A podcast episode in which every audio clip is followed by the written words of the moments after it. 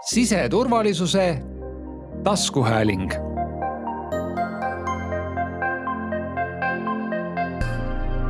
tere, kuulate teist siseturvalisuse taskuhäälingut. tänases saates räägime uuest narkopoliitika valgest raamatust. mina olen Kersti Ringmets siseministeeriumist ja stuudios on minuga Aljona Kurbatova Tervise Arengu Instituudi narkomaania ja nakkushaiguste ennetuskeskuse juht ja Ain Peil, siseministeeriumi narkopoliitika nõunik, tere. tere. tere hommikust. narkopoliitika valge raamat on aktuaalne, sest eh, just suve esimesel päeval kinnitas uimastiennetus valitsuskomisjon uue versiooni järgnevaks kümneks aastaks. tegemist on järjekorras siis teise valge raamatuga, mis seab suuna Eesti narkopoliitikale esimene selline dokument mis tollal küll kandis nime uimasti tarvitamise vähendamise poliitika valge raamat, kinnitati kahe tuhande neljateistkümnenda aasta alguses. tollal põhjendas valge raamatu koostamise vajadust eh,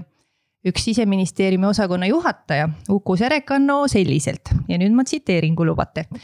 Eesti valitsus on korduvalt astunud oma narkopoliitikaga sügavale ämbrisse põhimõtteline suunamuutus pidi tollal siis seisnema selles, et uimastipoliitika rakendamisel pööraks valitsus edaspidi enam tähelepanu ennetusele, ravile ning kahjude minimeerimisele. seega ma küsiksingi siis kohe alustuseks, et mis seisus Eesti narkopoliitika on uue valge raamatu kinnitamise hetkel? ma arvan, et me oleme poolel teel ämbrist välja kuigi meie sellised peamised äh, strateegilised suunad ei ole tegelikult muutunud, et me räägime ju siiamaani sellest, et äh, me peame rohkem nagu tegelema ennetusega, me peame tegelema raviga ja kahjude vähendamisega. siis äh, vahepeal me oleme siiski teinud muudatusi oma töös, et ja kui eelmise valge raamatu koostamisel ka meie mõttemaailm oli selline vaoshoitum, ütleme niimoodi, et kui me seadsime endale eesmärke, et et näiteks äh, uues valges raamatus meie eesmärk on, et mitte ükski inimene aastaks kakskümmend kolmkümmend ei sure enam uimastite üledoosi tõttu. siis aastal kaks tuhat neliteist me isegi ei, ei julgenud mõelda, et me võiksime endale sellise eesmärgi nagu püstitada. sest et äh, toona oli see arv väga kõrge, see oli ligi sada inimest aastast ja kuigi me oleksime ka siis võib-olla tahtnud sellist õilsat eesmärki, siis me lihtsalt ei julgenud, et täna me oleme oluliselt julgemad. ja lihtsalt, et äh, me ei ole veel teinud piisavalt kaugeltki mitte selleks, et me saaksime rahul olla, et sellega, kuhu me oleme jõudnud. jah, minu arvates äh, ma arvan, see põhiline erinevus ja muutus, mis on olnud, on see, et kui eelmine valge raamat üritas esile kutsuda sellist hoiakute ja, ja mõttemaailma malli muutust, äh, siis eelkõige riigiametites, teenusepakkujates ja sellises äh, otsuse tegijate tasandil, et mõista, mõista siis seda narkootikumide tarvitamist või, või sõltuvust äh, kuidagi teistmoodi, kuidagi siis nii-öelda kaasaegselt. ja sellisel viisil, et see aitaks ka inimestel nagu abini jõuda, siis nüüd me oleme nagu võtnud äh, selge sammu sinnapoole, et, et ka kogu ühiskond hakkaks uimast tarvitamist teistmoodi mõistma, vaataks seda rohkem rahvatervise vaatenurgast. ja need lahendused, mis inimestele pakutakse juba täna, ehk siis oleksid inimesed, inimkesksed ja need jõuaksid rohkemate uimastitarvitajateni, me ei vaataks enam äh, uimastitarvitajat kui äh, kas siis äh, narkootikumi süstivat inimest või inimest, kes ilmtingimata jääb kuidagi oma käitumisega ühiskonnas silma. milline see keskmine tarvitaja siis nüüd Eestis on, et kellest me räägime, kui me räägime tarvitajast? me ei tohiks üldse rääkida keskmisest tarvitajatest, et inimesed tarvitavad narkootikume väga erinevatel põhjustel ja need on väga erinevad inimesed, kes neid nagu tarvitavad, et meil on nagu tekkinud ühiskonnas teatud stereotüübid, sellised kuvandid. mida me vahest näeme ka kriminaalkroonikas, et, et tantsivad äh, joobes inimesed kuskil nagu tänaval, et mille järgi siis üritataksegi sellist nagu keskmist kuidagi üles ehitada. et äh, me räägime täna sellest, et meil on kolmandik äh, viieteist, kuueteistaastastest noortest mingit ainet proovinud, nad on väga erineva taustaga noored. me räägime sellest, et meil on veerand täiskasvanud elanikkonnast mingit narkootilist ainet oma elu jooksul nagu proovinud ja seda väga erinevatel põhjustel. ja see, et näiteks narkootikume süstivate inimeste seas on rohkem vene keelt kõnelevaid, on rohkem meessoost, on rohkem kolmekümnendates eluaastates, see pigem petab ära. Ehk et see tekitabki sellise kuvandi, et keskmine võib meil olla kolmekümnendates eluaastastes nagu venekeelne noormees, aga tegelikult ei ole, et kui me vaatame laiemalt kõiki inimesi, kes on elu jooksul narkootikume nagu tarvitanud, on väga erinevad inimesed. Aga mis nende noortega siis täpsemalt on, sa mainisid ka, et äh, väga paljud noored meil juba viieteist, kuueteist aastaselt äh, hakkavad katsetama uuringud näitavad, et Eesti on esirinnas selle suure uudishimuga. mis nendega on ja mis nendega teha? noh, uudishimu on ju noortele teatud mõttes loomupärane. see, et kui palju noorte seas on äh, uimastitega eksperimenteerimist, sõltub ka väga palju sellest, et et äh, kuidas me oma noori üldse iseseisvaks eluks ette valmistame. ehk et noh, see ongi nagu see, mis peegeldab meie ennetuse kvaliteeti, ütleme siis niimoodi. ja miks nagu mõnes riigis on, äh, on see näitaja madalam, ongi see, et neil on pikemat aega paigas olnud juba väga tõhusad ennetusprogrammid. tänu millele noortele õpetatakse toimetulekuoskusi, eluks vajalikke kompetentse ja nad oskavad teha kaalutlatumaid otsuseid, et nad lähevad vähem tõenäoliselt kaasa oma eakaaslaste survega või siis näiteks mingisuguste sotsiaalmeedia äh, nagu rolli äh, noh, nagu suunanäitajatega, kes võib-olla suhtuvad uimastitesse äh, nagu positiivsemalt ja ma arvan, et, et noorte puhul ongi üks väga oluline näite, et miks see on nii levinud, on see, et meie ennetuse töö on olnud ebapiisav. ja isegi see, et me oleme teinud, võib-olla tähendab, et me ei ole teinud õigeid asju, ilmtingimata. aga kuidas siis ennetada seda? mõtlen, noored noh, me nendime, et nad ongi uudishimulikud nad tahavadki katsetada, kuidas me seda ennetame siis? jah, ma proovin võib-olla siis sellele vastata, et äh, eks äh, nagu Aljona ka mainis, tegelikult see suur osa ennetustööst, mis siis panustab ka näiteks uimastite tarvitamise ennetamisse, nii, nii alkohol kui narkootikumid. on suuresti sellisteks eluks toimetulekuoskuste nii-öelda andmine noortele.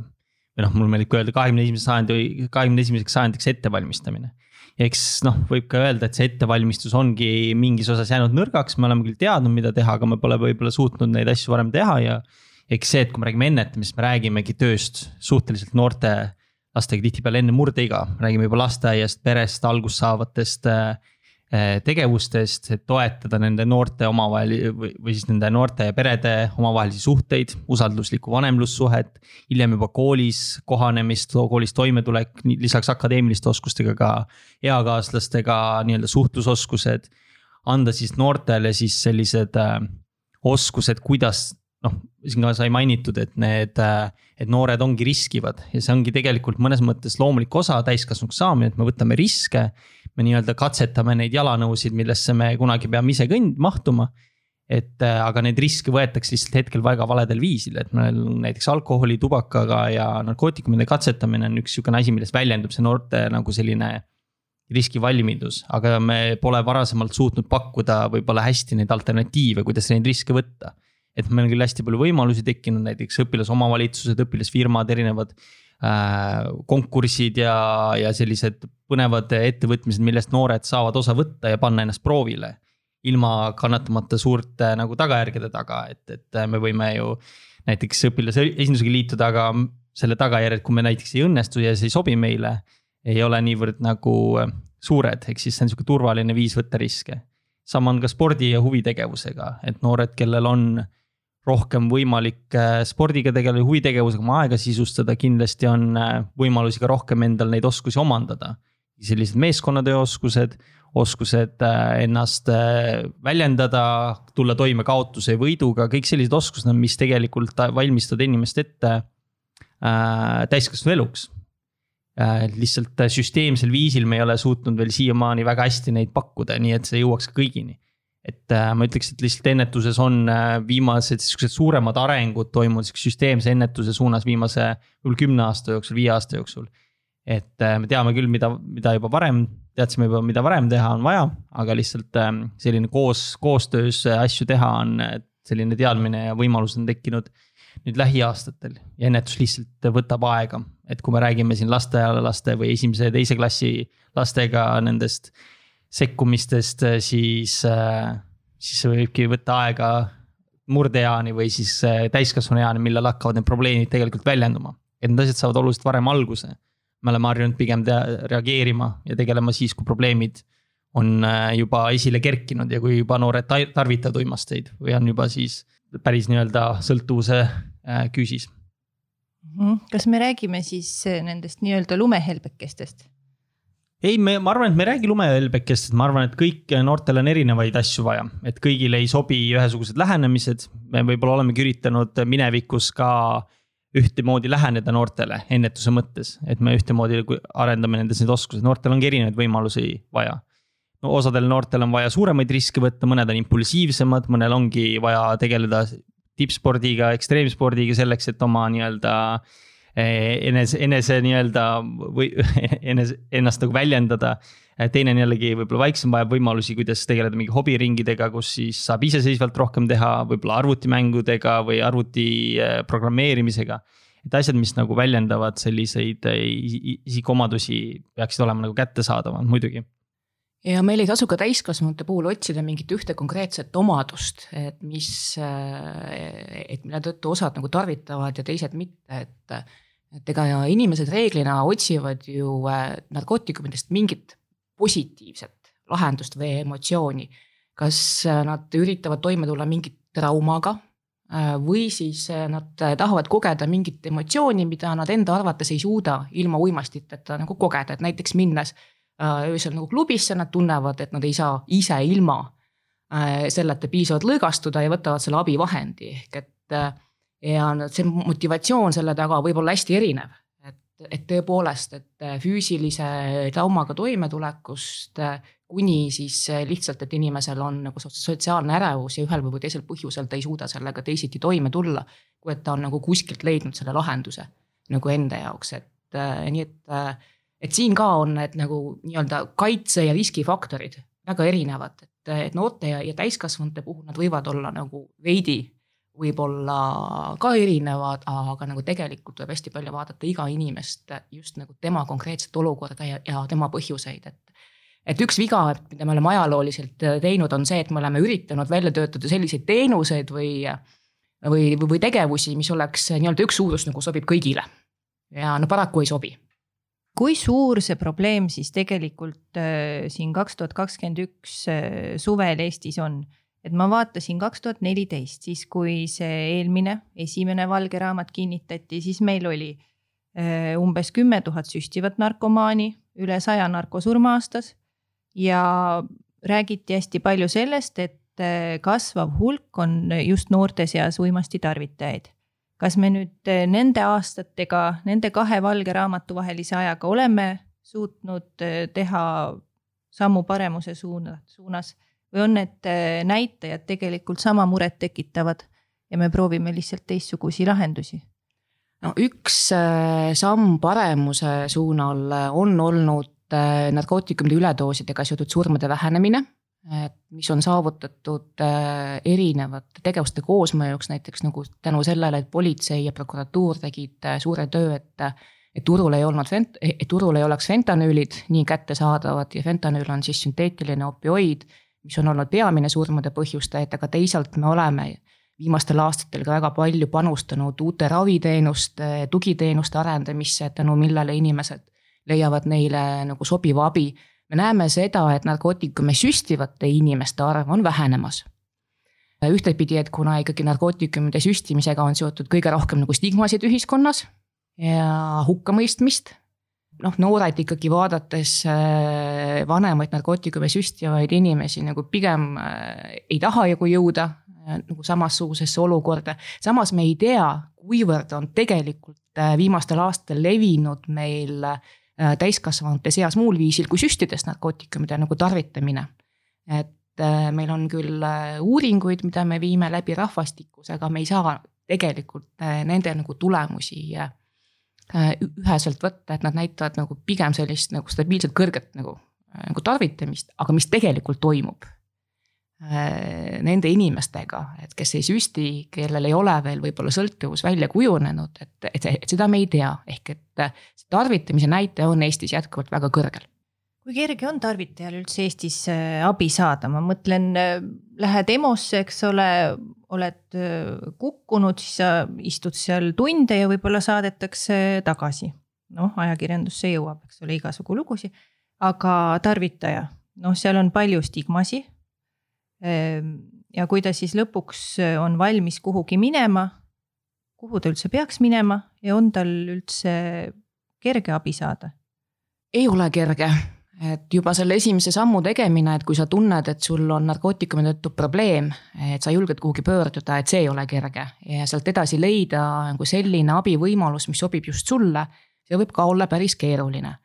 et alustada tuleks võib-olla sellest, et enne, et nagu esiteks mitte kõik, kes narkootikume tarvitavad, nad ei vaja kohe näiteks arstiabi, et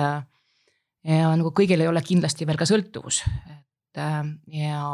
raviteenuseid, et Äh, haiglaravi äh, või sellist pikemaajalist nagu ravi vajavad ikkagi need, kellel on juba sõltuvus välja kujunenud ja siin on see olukord võib-olla mõneti nagu parem isegi Eestis juba. sest et äh, me oleme, meil on olemas äh, nii statsionaarne ravi ehk et haiglaravi, et nendele, kellel on väga nagu tõsine nagu sõltuvus, on olemas ka näiteks opioididest sõltuvus olevatele inimestele asendusraviteenused Nende kohta info on meil ka nagu narko.ee veebis olemas, aga kui inimesel ei ole veel sõltuvus välja kujunenud, et kui ta tarvitab ja see tarvitamine, ta tunneb, hakkab juba mõjutama, et eh, nagu tema elu. aga vot see võib olla see koht, et kus on nagu raske leida see õige koht, et, et kuhu pöörduda ideaalis võiks esimene samm olla oma perearst, aga kuna me räägime ikkagi sellest, et narkootikumide tarvitamine on seadusevastane tegevus ja oma perearstile kõik ei julge sellest rääkida, iga perearst ei taha ja ei, ja ei julge ka selle teemaga töötada. Eh, siis nagu kahjuks see ideaallahendus meil Eestis täna ei toimi. nii et kui ei julge rääkida oma perearstiga, siis nagu tuleb eh, esimese sammuna vaadata kasvõi sama veebilehte narko.ee kus on loetletud kõik riigi poolt äh, toetatavad teenused, tugiisikuteenused, nõustamisteenused ja vaadata, et mis on äh, kodule lähedasem, äh, kõige nagu sobivam. ja et juhul, kui osutub, et see ei ole ikkagi see, et mida ta vajab, et siis juba need spetsialistid, kelle poole ta pöördub, et see on nende töö, otsida talle see kõige sobivam. ja siin peab arvestama, et ega nagu igas valdkonnas Eestis, et vahest on see teenus, mille inimene saab hea ja vahest jääb võib-olla ebapiisavaks, nii et äh, ka siin peab nagu kahjuks nagu nentima, et, äh, et noh, kõik kohe neile sobivat abi paraku veel ei leia. kui ma nüüd võtan julguse kokku,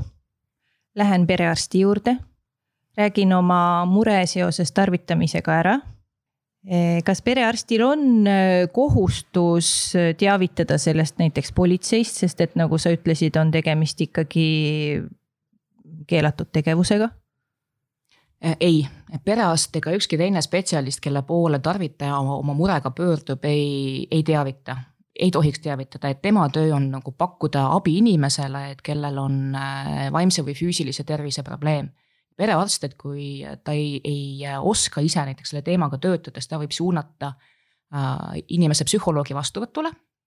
või siis nagu äh, aidata otsida tal nagu tõesti see teenus, kust ta abi saaks, et äh, see hirm, et äh, kui ma otsin abi, et ja ma võin nagu sattuda pahandusse politseiga, see on läbivalt olnud üks peamiseid põhjuseid, mis on hoidnud inimesi tagasi abi otsimast ja kuigi meil Eestis dekriminaliseeriti äh, narkootikumi tarvitamine juba kaks tuhat kaks aastal, mis tähendab, et äh, kriminaalkorras selle eest ei karistata, siis tegelikult sellega kaasnevad ikkagi äh, nagu rahalised trahvid, võib saada aresti ja noh, et kui sul on selline nagu hirm ja see hirm on suurem nendel, kelle probleem on suurem, sest et nemad ju tarvitavad rohkem. et siis ongi nagu väga raske kõiki neid abivõimalusi piisavalt lähedale inimestele tuua, et kõik need hirmud tuleb enne maha võtta. ja ma arvan, et äh, meie uus valge raamat, et selle üks eelis äh, võrreldes eelnevatega ongi see, et me räägime äh, avatult karistuspoliitikast kui millestki, mis peaks teenima rahvatervise huvisid antud küsimuses, et mitte vastupidi. et, et rahvatervise teenused peaksid kuidagi olema allutatud siis sellistele nagu karistusmeetmetele kui kahe tuhande teisel aastal nüüd tarvitamine dekriminaliseeriti, eh, siis see aresti võimalus jäi, ma saan aru, et eh, neid arvamusi selle kohta, kas seda oli vaja sinna jätta või mitte, on erinevaid.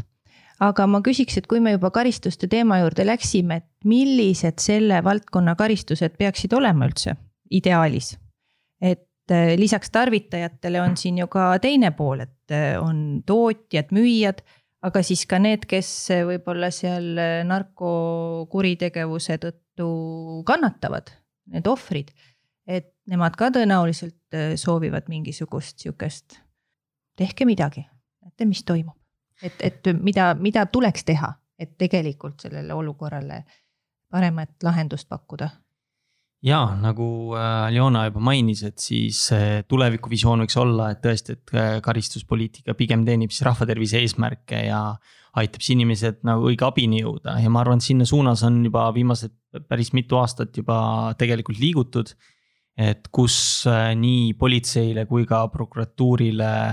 on antud rohkem võimalusi ja ka otsustusõigust vaadata igat juhtumit eraldiseisvana ja mitte minna siis konkreetse mingi äh, stambi peale välja, vaid äh, lihtsalt äh, vaadata siis inimese probleeme, teha rohkem koostööd tervise poolega, teenusepakkujatega, et hinnata, mis on selle inimese tegelik tarvitamise tagamaa. ja pakkuda inimesele siis erinevaid abivõimalusi et kui siis kaks tuhat kaks aastal dekriminaliseeriti Eestis, eks võeti ära kriminaalkaristus tarvitamise ja väikse koguse omamise pealt. siis jäeti küll jah alles aresti võimalus aga seda on tõesti väga-väga vähe kasutatud. kui vaadata, et need eh, juhtumid, kus tõesti aresti näiteks on kasutatud, siis hetkel on need, kas on seotud mõne teise avaliku korra rikkumisega näiteks. et inimene on, võib olla endale näiteks ohtlik, et see oli ka tol ajal ka see põhjendus, miks arest alles jäeti. et selles muidugi, et kas see on siiamaani vajalik, kas see peaks olema kirjas arvestatud, kas, kui vähe seda kasutatakse, kas on paremaid lahendusi sellele Eh, kindlasti tuleb arutada ja ma arvan, et tulevikus seda ka tehakse, et oleme ka selle sinna uude valgesse raamatusse visionäärinud sisse, et, et me võiks ka sellel teemal arutada, millised eh, need õiglased ja proportsionaalsed siis karistused oleks, et. Eh,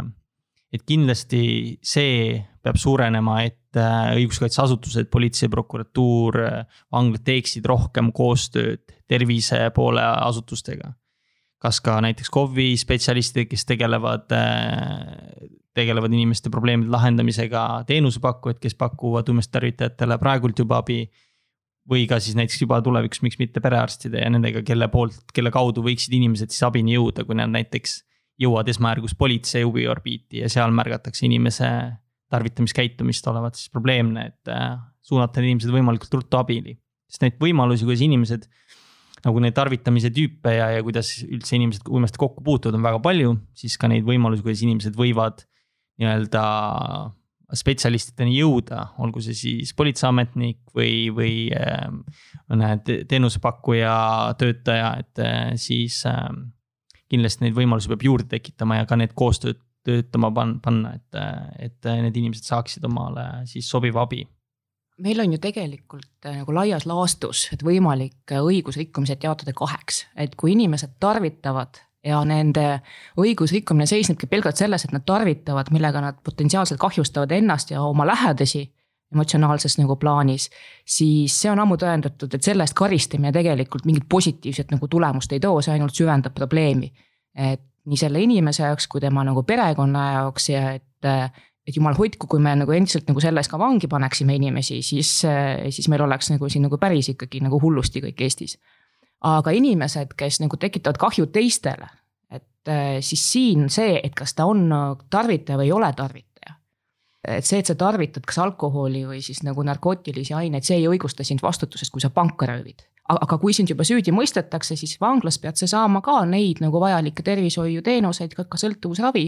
kui sul on näiteks sõltuvus, ehk et äh, täpselt nii, nagu sa saaksid no,, peaksid saama seda ravi vabaduses, kui sa ei oleks nagu süüdi mõistetud. oota, Ain mainis oma vastuses hästi mitmel korral koostööd eri ametkondade vahel. ja mul tekkis kohe sihukene mm, küsimus, et äh, narkosurmad me saime alla siis, kui fentanüüli tootmine ja müük, seda suudeti äh, pidurdada, vähendada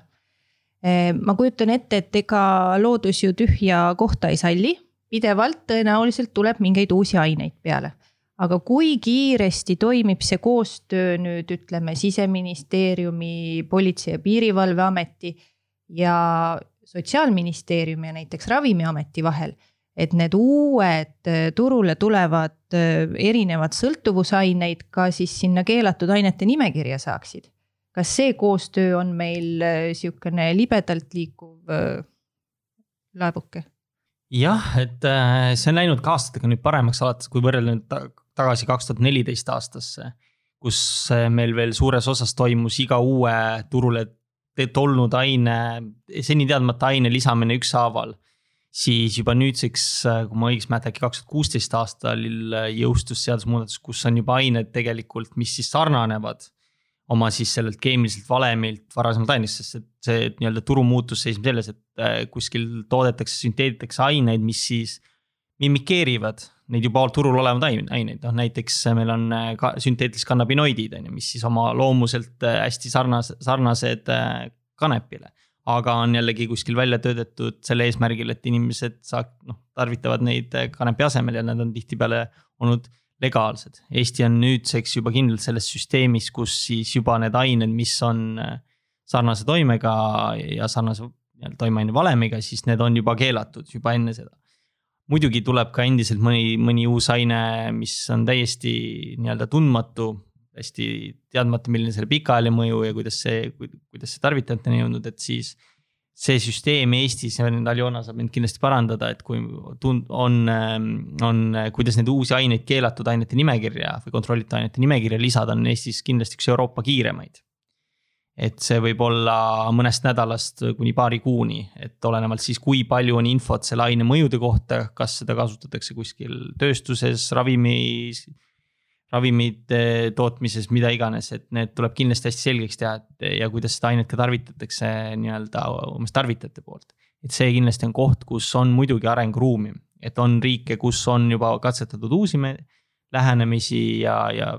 ja nii-öelda paljud ained on juba oma tarvitamise eesmärgi poolest. Kui neid tarvitatakse ainult uimastamise eesmärgil, siis on nad juba keelatud äh, inimestele et Eestil kindlasti on sinna ka arenguruumi, aga, aga süsteem on läinud kindlasti väga palju efektiivsemaks ja Eesti oma nii-öelda väiksuse tõttu, et me oleme suhteliselt väike riik ikkagi ja,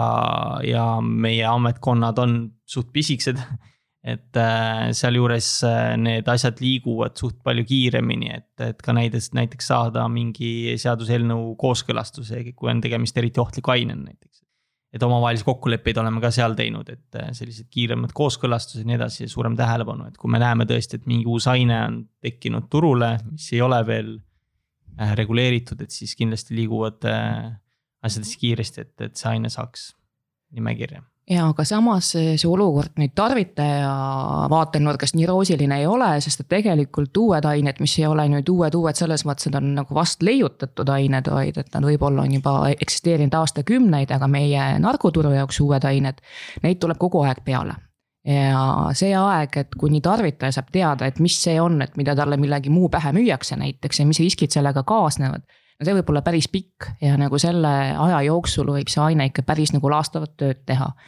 et see näide meil on ju, et me ühtepidi väga rõõmustasime, kui fentanüüli kättesaadavus langes. et äh, sest et tõepoolest see oli aine, mis tekitas enim kahju meil viimastel aastatel Eestis aastakümnel aga samas nagu hästi kiiresti see tühimik täitus meil sünteetiliste kotinoonidega, et äh, ja nagu tarvitajad ei teadnud, et, et mis on need nagu riskid, mis sellega kaasnevad. et samas nagu vajadus oli, et, et see vajadus nagu tuli rahuldada, et kui sul juba sõltuvus on, sa ikka päevapealt ju lõpeta nagu tarvitamist ja iga inimene ka kohe nagu ei ole valmis ravile minema et siis võttis ikka omajagu aega, et, et aru saada, mis on see, mis nagu asemele tuli ja et kuidas siis äh, inimesi aidata, et kui nad neid uusi aineid nagu tarvitavad. nii et me võime olla suht rahul sellega, et kui kiiresti me saame ametlikult menetletud sellest hetkest kui me ametlikult leiame, et on midagi uut ja saame ainult kuhugi nimekirja panna, et me oleme kiiremad kui väga paljud suured Euroopa riigid. aga see, see aeg, et mis kulub, et me suudaksime tarvitajatele anda objektiivse info selle kohta, et mis on siis nüüd konkreetse hetkeseisuga need ained, mis nagu turul on. ja mis on need kõige suuremad kahjud, mis nende nagu tarvitamisel võivad tekkida, see on ikka täna nagu liiga pikk. kuidas me tarvitajateni jõuaksime sellise infoga? Kuidas see, läbi kelle see suhtlus käib praegu näiteks? no kõige rohkem usaldavad äh, tarvitajad ikka üksteist ja kui me räägime näiteks inimestest, kes juba kuritarvitavad või näiteks ka narkootikume süstivatest inimestest, nad siis, siis nad usaldavad ka kahjude vähendamise teenuseid. Nad usaldavad tugiisikuid, kogemusnõustajaid, häid spetsialiste, kes selles valdkonnas töötavad, inimesi, et kes on oma selliste hinnanguvaba hoiakuga näidanud, et, et tõepoolest hoolivad nendest, ehk et need teenused, erinevad siis sotsiaalvõrgustikud, mida nad ise kasutavad nagu tarvitajad, on need nagu kohad, läbi mille selle info saab nendeni viia. et selliseid üleriigilisi kampaaniaid ei ole siin nagu ilmselgelt mõtet, et korraldada ja täna Eestis on, on neid teenuseid, on neid inimesi, et keda usaldatakse ja kelle kaudu on võimalik äh, see info ka kiiresti nagu kohale toimetada. Aga see tähendab, et ka need teenused ja need inimesed peavad olema osa sellest äh, nii-öelda riiklikust süsteemist, mis nagu tegeleb kiire tuvastamise ja hoiatamisega. aga täna nad pigem ei ole olnud, et täna on nende roll olnud passiivne. Et kui me riigiasutuste poolt sinna mingi info anname, siis sellega nad saavad töötada, aga see, et neil oleks võimalus ka endil võib-olla tarvitajate abil nende ainete näidiseid koguda, nagu saata ekspertiisi, et et mida väga paljudes riikides juba tehakse, et seda meil täna Eestis ei ole, et me oleme ikkagi delegeerinud tarvitajad ise sellisesse passiivsesse rolli.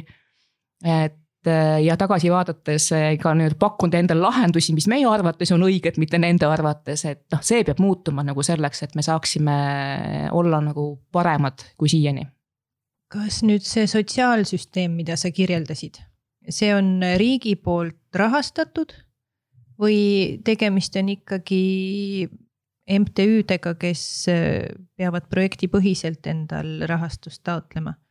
et üks äh, positiivne asi meil siin Eestis on äh, see, et riik on meil juba pikemat aega rahastanud kahjude vähendamise teenuseid, nõustamisteenuseid, et mida tõepoolest pakuvad valdavalt mittetulundusühingud. aga nad teevad seda riigi toel ja see annab meile võimaluse tegelikult, et meil on olemas päris nagu lai võrgustik juba täna. et mille abil me saame nagu neid nagu sõnumeid ka, ka tarvitajateni viia üks nüanss, mis meil siin eelnevalt läbi käis, oli see, et siukseid standardlahendusi on vähe. et kõik peaks olema selline rätsepatöö, aga kui ma mõtlen teiste sihukeste sotsiaalprobleemide peale, noh, ma ei tea, alates koolikiusamisest, lähisuhtevägivallast kuni ei tea milleni. et siis tegelikult enamasti räägitakse, et ega ühte nihukest universaalset lihtsat töötavat lahendust ei ole. aga me oleme ju nii väike riik, kas meil on raha ja on inimesi, kes äh, oskaksid ja jõuaksid seda tööd teha? see on võimalik, sellesse lihtsalt tuleb investeerida ja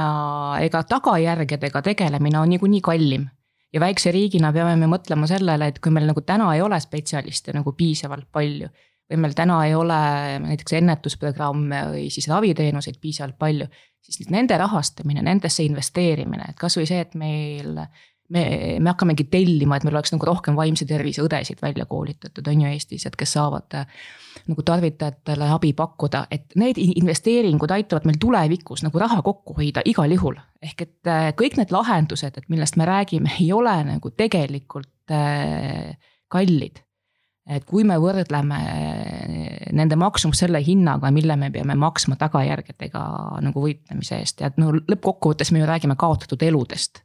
Et sellega võrreldes on, on ennetusprogrammid ikkagi väga-väga odavad. kui me nüüd sellest valgest raamatust veel räägime ja siin